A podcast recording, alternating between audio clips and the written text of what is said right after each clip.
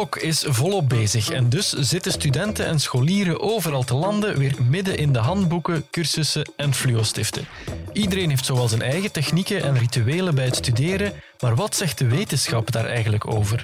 Wat zijn de ideale omstandigheden om te blokken en hoe zorgen we ervoor dat al die kennis die we zo snel mogelijk in ons geheugen proberen te proppen, daar ook echt blijft zitten? We vragen het aan iemand die daar alles over weet. Mijn naam is Dries Vermeulen. Dit is duidelijk.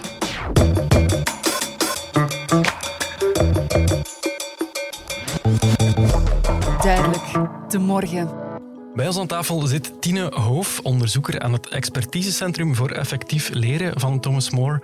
Je bent er onderzoeker en je begeleidt ook lerarenteams in het leren studeren. Je hebt daar ook een boek over geschreven, Studeren met Succes. Ja. Dus jij weet eigenlijk alles over hoe je moet studeren. Als het goed is wel, ja. Ja. Dat is echt een expertise, dus dat, dat impliceert dan een beetje dat, dat veel studenten eigenlijk fout studeren. Is dat zo?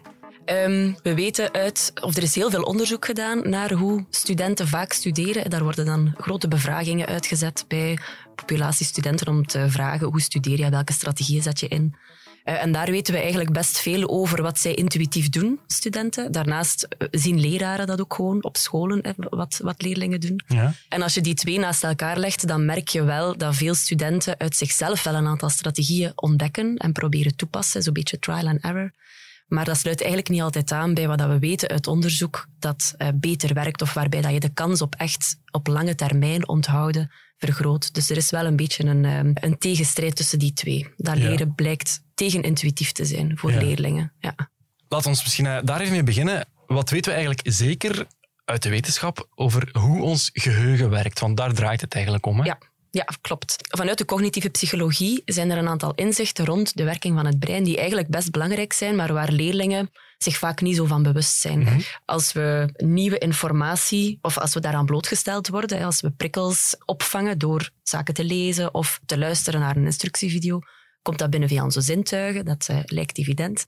En dan is er eigenlijk al onmiddellijk een eerste proces of een eerste factor die superbelangrijk is, en dat is aandacht. Enkel de prikkels waar je aandacht op vestigt, die komen binnen in je werkgeheugen. En daar zit eigenlijk al onmiddellijk een eerste belangrijke boodschap voor studenten, namelijk aandacht richten op waar die moet liggen, Ja. is heel erg belangrijk. En vaak denken we wel dat ons brein zoiets kan als multitasken bijvoorbeeld, maar ja, zelfs vrouwen kunnen dat echt niet. dus dat, dat klopt echt niet. Dat is gewoon eh, het idee van, ja, ik kan ondertussen nog wel snel op mijn gsm kijken of eh, drie tabbladen openzetten en toch ondertussen studeren.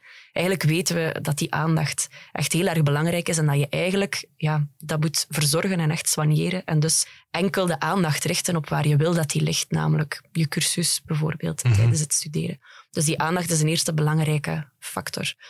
Waar je aandacht op vestigt, komt binnen in je werkgeheugen. En je werkgeheugen is eigenlijk heel erg beperkt in capaciteit. Je merkt dat als je bijvoorbeeld een telefoonnummer probeert te onthouden, dat zijn dan tien of twaalf cijfers. Als je dat wil onthouden, dan lukt dat eigenlijk niet, omdat gewoon één keer iemand zegt dat en dan, ah, ik, eh, ik kan dat eh, een aantal seconden vasthouden. Zo werkt het niet. Nee. Je probeert dat in stukjes op te splitsen en je blijft dat herhalen of hardop te zeggen voor jezelf. Dat is eigenlijk een signaal van je werkgeheugen. Ja, dit is echt een heel complexe taak. Iets, iets ja, schijnbaar belachelijk, zoals 10, 12 cijfers die geen betekenis hebben onthouden, is super moeilijk voor je werkgeheugen, omdat daar geen betekenis achter zit. Dus dat werkgeheugen is heel erg beperkt.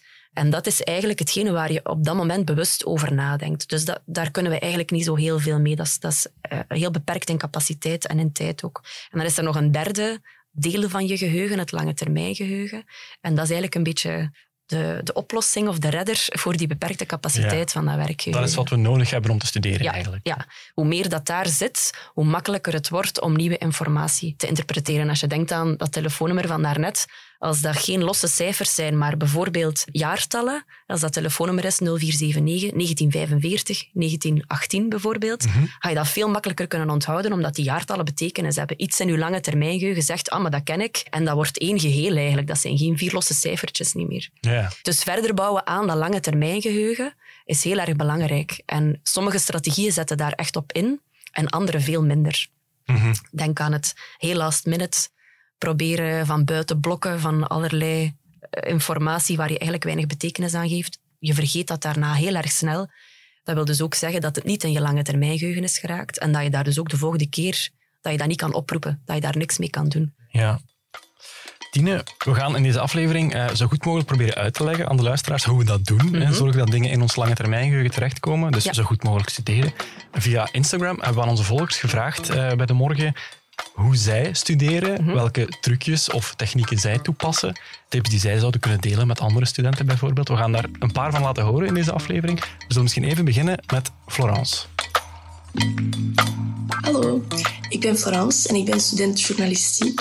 En mijn studeertip is dat je je smartphone moet wegleggen tijdens het studeren. Simpelweg omdat je dan constant afgeleid geraakt door de meldingen die binnenstromen. Ik doe dit zelf ook zo vaak mogelijk. Um, en daarbij zet ik mijn telefoon ook op niet storen, waardoor ik gewoon ook geen meldingen binnenkrijg. Dat werkt voor mij het beste en ik denk dat het voor veel andere mensen ook wel helpt. Ja, Tine, je, je vermeldde het zelf al, in die afleidingen. Dat, is, dat is heel nefast voor het studeren. Klopt. Die smartphone, hoe belangrijk is dat nu? Want elke student heeft er een en gebruikt die veel. Hè? Ja, klopt. En daar is soms ook wel... Enfin, als we kijken naar hoe, hoe ons brein werkt, dan is de boodschap eigenlijk heel duidelijk. Probeer hem echt aan de kant te leggen. En zelfs niet enkel gewoon op uh, in vliegtuigstand of op niet storen. Als het kan, zou ik hem echt gewoon in een andere ruimte zelfs leggen. Mm -hmm. Omdat we weten dat zolang als dat hij daar ligt, ben je ervan bewust en twijfel je toch soms van, goh, zou ik eens niet kijken? Of heeft er al iemand gestuurd? Of... Dus je vraagt toch weer voortdurend zo die zelfbeheersing waar we eigenlijk niet zo heel erg goed in zijn vaak. Yeah. Dus als je kan kiezen, zou ik hem zelfs gewoon echt in een andere kamer leggen. Maar natuurlijk komt dan vaak het weerwoord, of ja, zeggen leerlingen en studenten dan vaak van ja, maar we hebben hem echt nodig, want... Of er zijn toch ook voordelen. Yeah. Als ik een vraag heb, kan ik die snel in de klaschat zetten bijvoorbeeld, en dan kan iemand mij snel verder helpen. Of ik moet in mijn online agenda kijken op Smart School, dus ik heb hem nodig. Dus ja, vanuit cognitief-psychologisch standpunt is de boodschap duidelijk, maar de, de, praktische realiteit maakt het soms wat moeilijker. Dus daar zou ik dan oplossingen voor proberen bedenken, zoals zorgen dat je heel duidelijk weet wat je wil doen, eventueel door eerst je taken van je Smart School app op een lijstje te noteren, een planning te maken en hem dan weg te leggen. Of verzamel je vragen in de mate waar dat kan. Als je op iets botst, schrijf het op een blaadje en nadien, als je pauze neemt bijvoorbeeld, bundel die dan en ga op dat moment hulp vragen. Ja. Wat afleiding betreft, uh, ik herinner mijzelf uit mijn studententijd, ja. er waren best wat studenten die, die zeiden dat ze niet konden studeren zonder muziek. Ja. Ik heb dat heel vaak geprobeerd zelf, maar ik kon mij niet concentreren. Zeker niet als er in gezongen werd. Ja. En zeker niet als er in het Nederlands gezongen Ja. werd. Dat is nog erger. Maar ja, muziek, is dat nu, werkt dat of niet? Of is dat bij iedereen anders? Ga ook daar, in principe sluit dat daar een beetje bij aan, hè, bij, die, bij die aandacht. Sommige muziek zal meer afleiden dan andere. Hè. Als dat Mhm. de nieuwe plaat is van je favoriete band, dan ga je heel erg luisteren naar die teksten enzovoort. Eh, Gaat dat heel veel aandacht opslorpen die we eigenlijk ja, die, die al beperkt is. Dus in dat opzicht zou ik zeggen, doe het niet. Anderzijds had ik ook wel eens leerlingen die zeiden, ja, maar als er geen muziek op staat, ja, dan begin ik er zelfs niet aan, want dan vind ik het echt niet fijn. Dus ja, eventueel doe je het dan wel, maar dan echt muziek die, ja, bijvoorbeeld waar geen tekst wordt gezongen, of iets dat je echt niet kent, dat heel erg op de achtergrond speelt. Maar zelfs dan weten we dat het eigenlijk toch er een beetje ruimte inneemt. Ja, want dan vragen we eigenlijk ook aan onze hersenen Ja. om te multitasken. Ja, ja op, op een manier wel, hè. klopt. Er zijn natuurlijk taken die, die dat toelaten als het echt gaat over zeg maar iets, je hebt eh, een tekst eigenlijk helemaal, of een, eh, een opdracht helemaal uitgeschreven en je moet het enkel nog typen bijvoorbeeld. Oké, je hebt je aandacht nog nodig om dat uit te typen, maar eigenlijk is het denkwerk gebeurd. Dan zou je kunnen zeggen, oké, dan stoort het misschien minder dat daar muziek op de achtergrond speelt.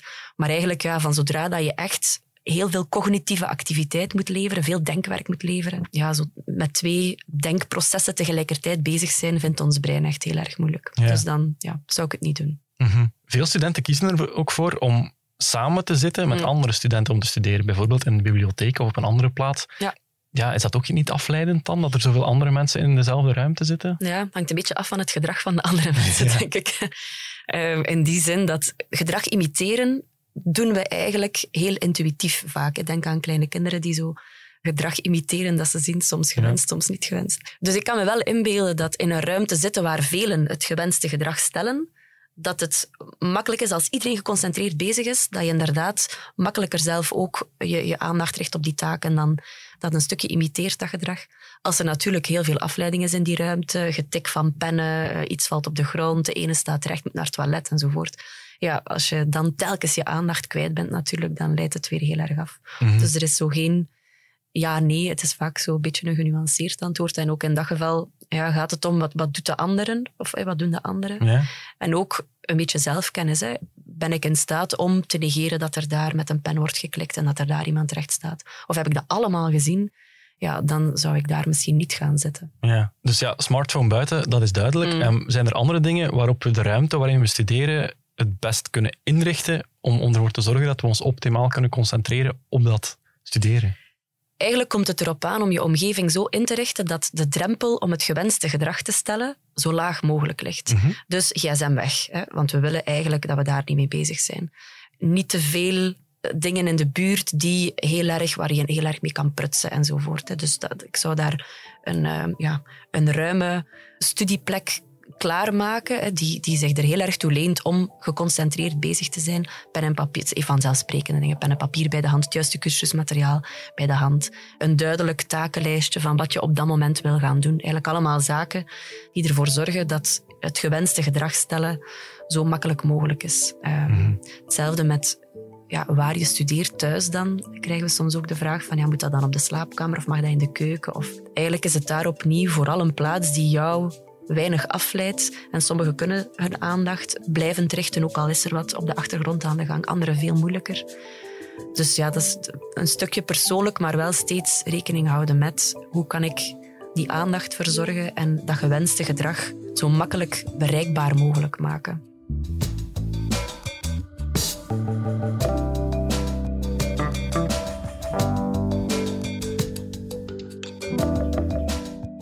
Hebben het over ons geheugen gehad, we hebben het over concentratie gehad en over hoe we onze omgeving kunnen organiseren om dat studeren zo goed mogelijk te laten verlopen.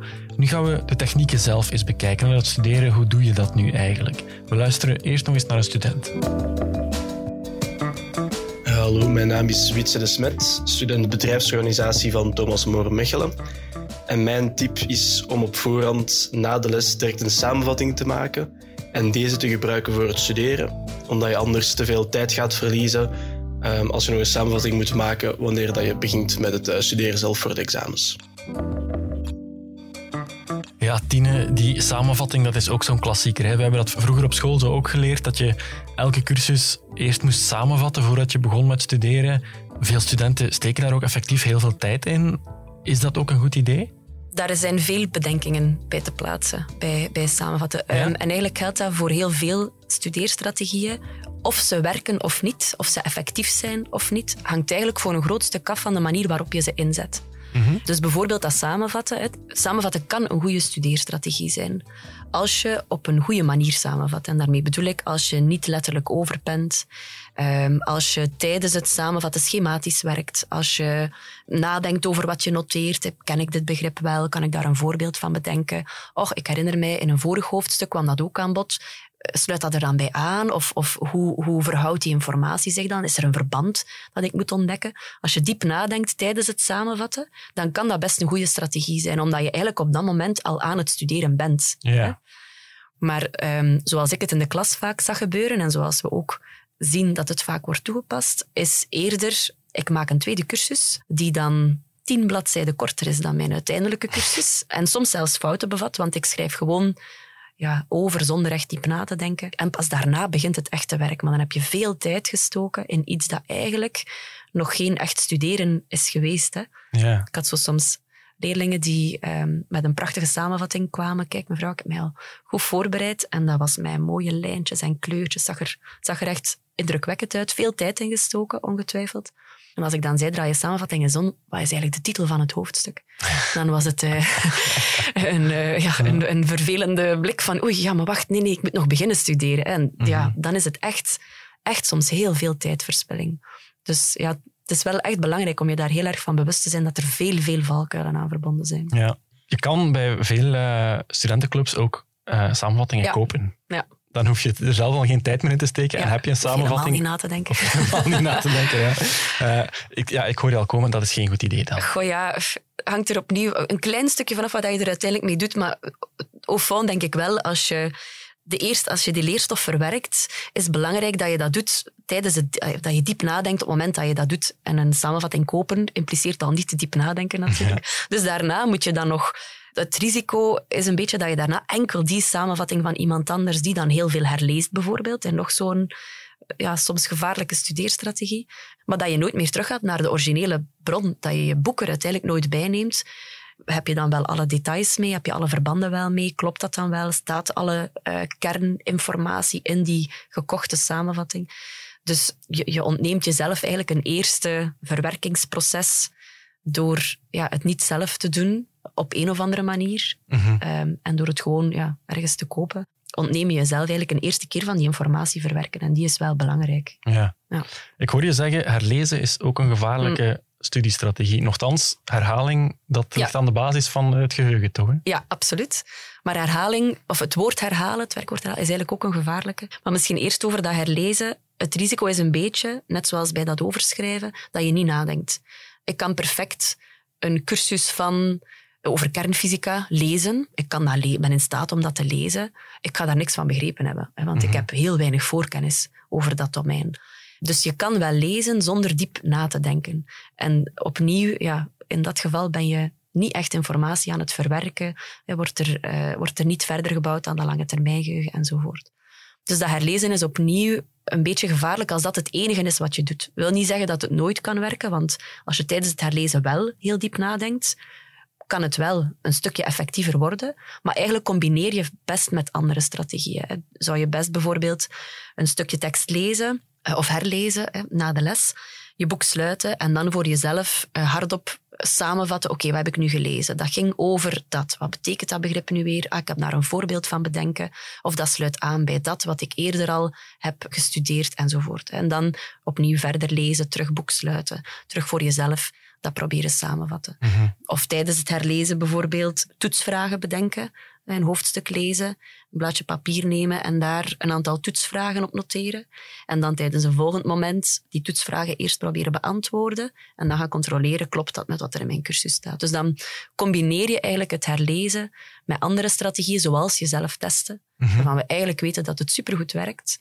En dan sluit je toch aan bij het gedrag dat de leerling al stelt, want dat herlezen is zo echt een gewoonte. En het werkt vaak beter om verder te bouwen aan iets wat je al doet en aan te vullen met andere strategieën, dan te zeggen, je moet nu compleet iets helemaal anders gaan doen. Dan Ja. ja, voelt dat heel oncomfortabel aan en dan bots je ook wel wat op weerstand soms. Mhm.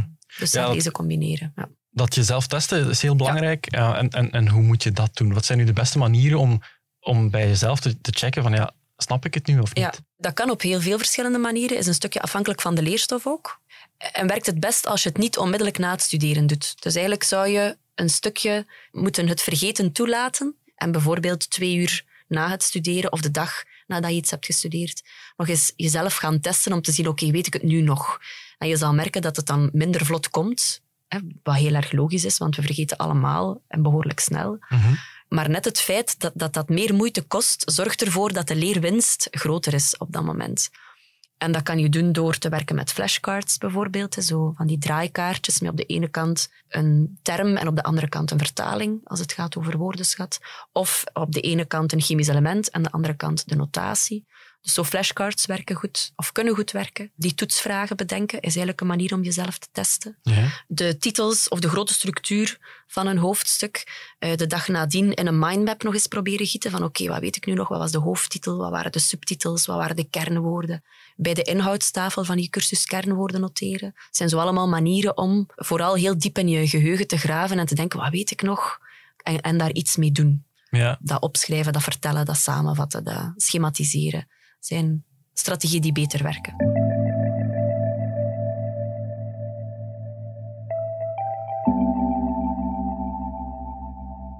Hallo allemaal, ik ben Finchi Javous uit Leuven en voor de morgen geef ik jullie mijn beste blogtip wat voor mij goed werkte tijdens mijn studies. Namelijk de leerstof aan jezelf uitleggen, een beetje eigenlijk alsof je zelf de prof bent. Dat zorgt ervoor dat je de denkwijze en redenering achter de leerstof kan volgen en kan begrijpen. En als gevolg beter kan opslagen en dus onthouden. De leerstof uitleggen aan jezelf, of misschien zelfs nog beter aan iemand anders. Dat is een tip die ook vaak is teruggekomen. Ja, ook. Dat is ook een goede, inderdaad. En het werkt goed als de andere dan ook nog eens feedback geeft. Dus dan, Mhm. dan is het helemaal ideaal natuurlijk. Als je zegt, ja, was dat vergeten? Of dat klopt niet. Maar eigenlijk werkt zelfs het nadenken over hoe ga ik dit uitleggen. Eigenlijk zorgt dat al voor diep, diep nadenken. Ah, dus je hoeft het niet eens te doen. Nee, er zijn onderzoeken, super interessant, naar, hè, wordt dan in verschillende groepen, studenten worden opgesplitst in verschillende groepen. De ene groep, eh, of tegen de studenten wordt gezegd, je zal het moeten uitleggen, en de ene groep moet het effectief uitleggen, en de andere niet. En dan zie je dat zelfs het de verwachting hebben dat je het zal moeten gaan uitleggen, Ja, ja. blijkt, blijkt ervoor te zorgen dat je toch ja, nog dieper nadenkt en, en nog meer naar verbanden zoekt enzovoort. Dus, ehm, dus ja, dat werkt goed. Klopt. Ja. Nog zo één techniekje dat altijd terugkomt, eh, zijn die fluo-stiften. Ja. Heel veel studenten kleuren de volledige cursus in. Absoluut. Werkt dat nu of niet? Markeren. Ja, dat markeren is ook zo'n gevaarlijke, omdat je inderdaad, zoals je zegt, die kleurboek, dat, ehm, dat is iets wat je heel vaak ziet in de klas. Goh, in principe opnieuw, als dat het enige is wat je doet, is de kans klein dat er echt op lange termijn duurzaam wordt geleerd. Er is geen magische verbinding tussen die fluostift en je brein of zo. Het hangt er voor een stukje van af of wat je markeert ook echt de kernwoorden zijn. Want ja, er is geen garantie dat wat jij aanduidt ook echt de belangrijke woorden zijn uit die cursus natuurlijk. Als dat wel het geval is, dan leent eh, dat die gemarkeerde woorden lenen zich wel heel erg tot er nadien opnieuw iets anders mee doen. Die proberen verklaren of eh, je cursus sluiten en tien kernwoorden proberen je te herinneren en die op te schrijven. Of via die kernwoorden een schematische samenvatting uit je hoofd proberen maken, bijvoorbeeld. Dus het, het leent zich wel als een van de strategieën in het proces eventueel, maar als dat het enige is wat je doet, ben je niet noodzakelijk diep aan het nadenken. En opnieuw het risico wat je aanduidt, is dat wel echt de kern of, of toch eerder niet? Het, het geeft zowel een beetje, eigenlijk al die minder krachtige strategieën, zoals dat herlezen en dat overschrijven, dat markeren, eh, voelt vaak heel comfortabel aan. Eh, Je hebt het idee dat je echt goed aan het werk bent, maar eigenlijk kan je elk van die strategieën inzetten zonder diep na te denken. Dus moeten we die echt gaan combineren met strategieën waarvan we weten dat ze eigenlijk dieper doen nadenken, meer op zoek laten gaan naar verbanden, naar betekenis enzovoort. Oké, we hebben al heel wat dingen besproken. We hebben het over afleiding gehad, over concentratie, over ons geheugen, over allerlei studeertechnieken die wel of niet werken. Waar we nog niet over hebben gepraat is over tijdsgebruik. Ons schema, onze dagindeling. Hoe gebruiken we onze tijd optimaal om te studeren? We luisteren eerst nog eens naar een student en dat is Anna. Hallo, ik ben Anne. Ik zit in mijn tweede jaar psychologie aan de VUB en als studeertrick gebruik ik de Pomodoro-techniek. Dat is een techniek waarbij je telkens 25 minuten studeert en 5 minuten pauze krijgt. Na 4 keer 25 minuten te studeren krijg je een pauze van 20 minuten. Voor mij werkt dit motiverend omdat ik eh, dan een klokje zie aftellen en een alarm krijg wanneer ik terug moet beginnen, wanneer ik pauze heb. En dat zorgt ervoor dat ik bezig blijf. De Pomodoro-techniek. Ja. Studeren in blokjes van 25 minuten. Bestaat daar echt een tijd voor hoe lang we ons kunnen concentreren? Of is dat voor iedereen anders? Ja, niet echt. Dat is inderdaad voor iedereen wel een stukje anders. Al weten we wel dat er, eh, ja, dat, dat niet eindeloos rekbaar is. Ehm, hè, maar het klopt wel dat het een stukje individueel is. Dus ik kan me heel goed inbeelden dat dat voor sommige studenten echt goed werkt, die 25 minuten. Lijkt mij wel een goed richtuur of, of eh, ja, richtduur wel. Sommigen kunnen zich langer concentreren, zeggen, goh, ik kan best wel 50 minuten doorgaan. Anderen zeggen, pff, na een kwartier, misschien jongere leerlingen, na een kwartier eh, ben ik echt heel erg afgeleid. Ja, stop dan ook na een kwartier, neem dan die pauze al. Dus van zodra je voelt dat, het, eh, dat je aandacht echt op is, dat je concentratie echt weg is, lukt het vaak beter om even met iets anders bij even pauze te nemen. En dan daarna opnieuw die aandacht te proberen richten. Dus ja, die tijdsduur van 25 minuten is een eh, aannemelijk, aannemelijk getal, maar is niet per se iets wat strikt voor elke student zo hoeft te zijn. Nee, hangt misschien ook af van hoe interessant je het vak vindt. Ja. En ook van wat fysieke factoren, denk ik. Hoe goed je uitgeslapen bent, of je goed gegeten hebt, dat Ja. soort dingen. Ook dat is belangrijk tijdens een blok. Ja, zeker, zeker, klopt. Dus inderdaad, als je s morgens niet hebt ontbeten, je hebt de hele nacht doorgestudeerd, ja, dan zullen die 25 minuten onoverkomelijk lijken. Maar als je goed uitgerust op een eh, tijdstip van de dag waarop het voor jou aangenaam voelt om te studeren, dan kan dat misschien wel langer zijn. Dus ja, dat zal zeker daar een stuk mee te maken hebben. Ja. Ja. Eh, Zo'n typisch dilemma dat, dat in die context ook altijd terugkomt, eh, dat, dat goed uitgeslapen zijn. Mm.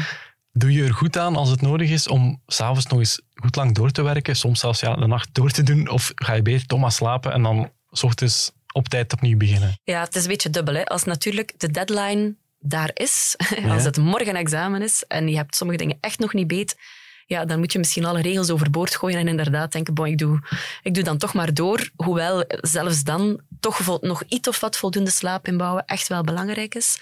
Maar dan kan je wel die grens een beetje verleggen. Maar als je weet dat er voldoende tijd is, als het eh, niet per se morgen dan al dat examen is, maar als je je voldoende hebt voorbereid, dan zou ik echt wel die slaap uh, heel bewust respecteren, heel bewust inbouwen. We weten echt uit heel veel onderzoek dat dat een enorm belangrijke factor is. Dus waar je kan, om op, als je op tijd start, als je planning goed zit, hè, dan mhm. in een ideaal scenario kan je die slaap respecteren. En dan is dat echt wel iets dat bijdraagt tot het leren enorm. Ja. ja.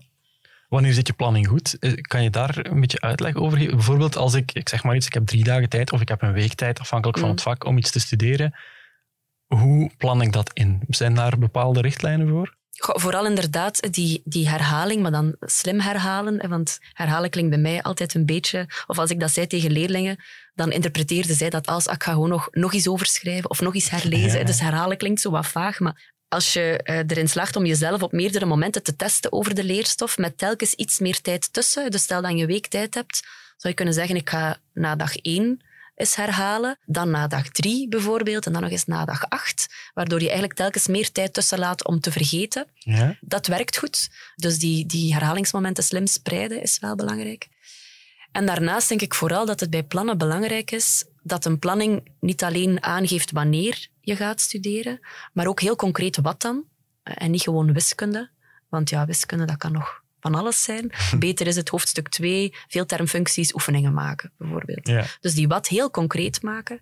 En daarnaast ook de hoe. Daar eigenlijk al over nadenken op het moment dat je aan het plannen bent. Zodat daar eigenlijk heel concrete to-do's komen te staan op die planning, waardoor opnieuw de drempel heel laag is om op dat moment dat gedrag te gaan stellen. Een examenplanning waar gewoon staat wiskunde, ja, dan moet je nog beginnen uitzoeken welk hoofdstuk en hoe ga ik dat dan precies doen en uh, waar ligt dat materiaal enzovoort. Terwijl als daar heel concrete, hè, wat ga ik doen, hoe ga ik dat doen, wanneer ga ik dat doen, als dat er zo concreet staat, ligt de drempel opnieuw ietsje lager om effectief met die flashcards de woordjes van hoofdstuk 3 te gaan studeren of om de titels van hoofdstuk 5 psychologie in een mindmap te gaan gieten. Hè, zo mhm. heel concreet maken. Dat werkt goed bij plannen en verhoogt de kans dat je de motivatie vindt om toch dat gewenste gedrag te stellen. Ja, oké. Eh, misschien tot slot, zijn er nog bepaalde dingen, misvattingen misschien die sommige studenten hmm. hebben of, of andere tips die je nog kan geven die iedereen zeker kan toepassen? Ja, eentje dat je vaak hoort opduiken als je praat over studeren met, met leerlingen, maar eigenlijk ook nog soms met leraren of met, uh, ja, met, met mensen, is uh, het idee van leerstijlen. Als in, ik ben een beelddenker of ik ben een woorddenker. Dus ik kan enkel studeren door naar iets te luisteren. En ik kan enkel studeren door iets te lezen. Er is best wel veel onderzoek naar gedaan en eigenlijk wordt daar heel weinig wetenschappelijke onderbouwing voor gevonden. wil niet zeggen dat er geen leervoorkeuren bestaan. Dus het klopt absoluut wel dat de ene leerling liever leert door te schrijven of liever leert door te praten. Maar er is eigenlijk weinig tot geen onderzoek dat aantoont dat als je studeert als je leerlingen bevraagt naar hun voorkeur en je biedt dan de leerstof aan volgens die voorkeur, leidt dat niet noodzakelijk tot beter leren dan wanneer dat je die algemene principes, die eigen zijn aan de werking van dat brein, als je die meeneemt, dan draagt dat evenzeer bij tot het leren. Ehm, ja. Dus het is ook belangrijk, denk ik, om je repertoire aan strategieën uit te breiden. Je hebt een voorkeur, maar het is belangrijk, denk ik, om heel veel strategieën goed te kunnen toepassen, om daarna dan slimme keuzes te kunnen maken. Bij die leerstof ga ik het op die manier doen, bij die leerstof op die manier. Terwijl als je vasthoudt aan die ene voorkeur, zou het kunnen dat je op een bepaald moment ja, dat je daar niet meer mee verder komt. Mhm. Ja, lijkt me ook logisch. Dat sommige dingen leer je beter visueel, andere soorten leerstof zijn dan weer makkelijker te lezen. Ja, en plus vooral de combinatie van woord en beeld werkt vaak heel erg goed. En, en dat is zo voor ja, al onze breinen. Die, eh, die cognitieve architectuur is vaak behoorlijk gelijklopend. Dus dat vraagt soms wel het loslaten van zo wat, wat ja, intuïtieve mythes zo, waar, waar leerlingen mee zitten. En daarnaast denk ik ja, dat het erop aankomt om kritisch te kijken naar je eigen studeergedrag en, en te beseffen dat, je, dat er vele wegen zijn naar het verwerken van leerstof, maar sommige zijn gewoon efficiënter. Dat probeer ik ook aan leerlingen dan mee te geven. Van, ja, het zou wel kunnen dat jouw strategie uiteindelijk ook werkt, maar misschien is er wel een efficiëntere weg naar, naar hetzelfde doel, hè, waardoor je op kortere tijd beter met die leerstof aan de slag gaat en misschien wel meer leerwinst boekt. Dus zo efficiënt studeren is ook echt belangrijk. Ja. Oké. Tine Hoof van het Expertisecentrum voor Effectief Leren van Thomas More. Dank je wel. Graag gedaan.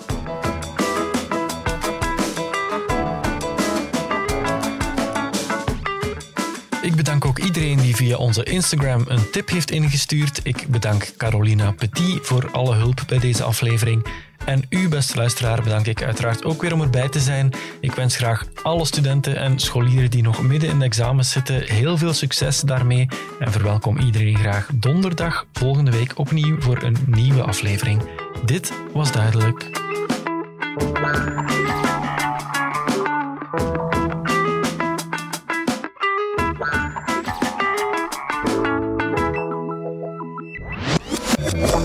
Duidelijk. De morgen.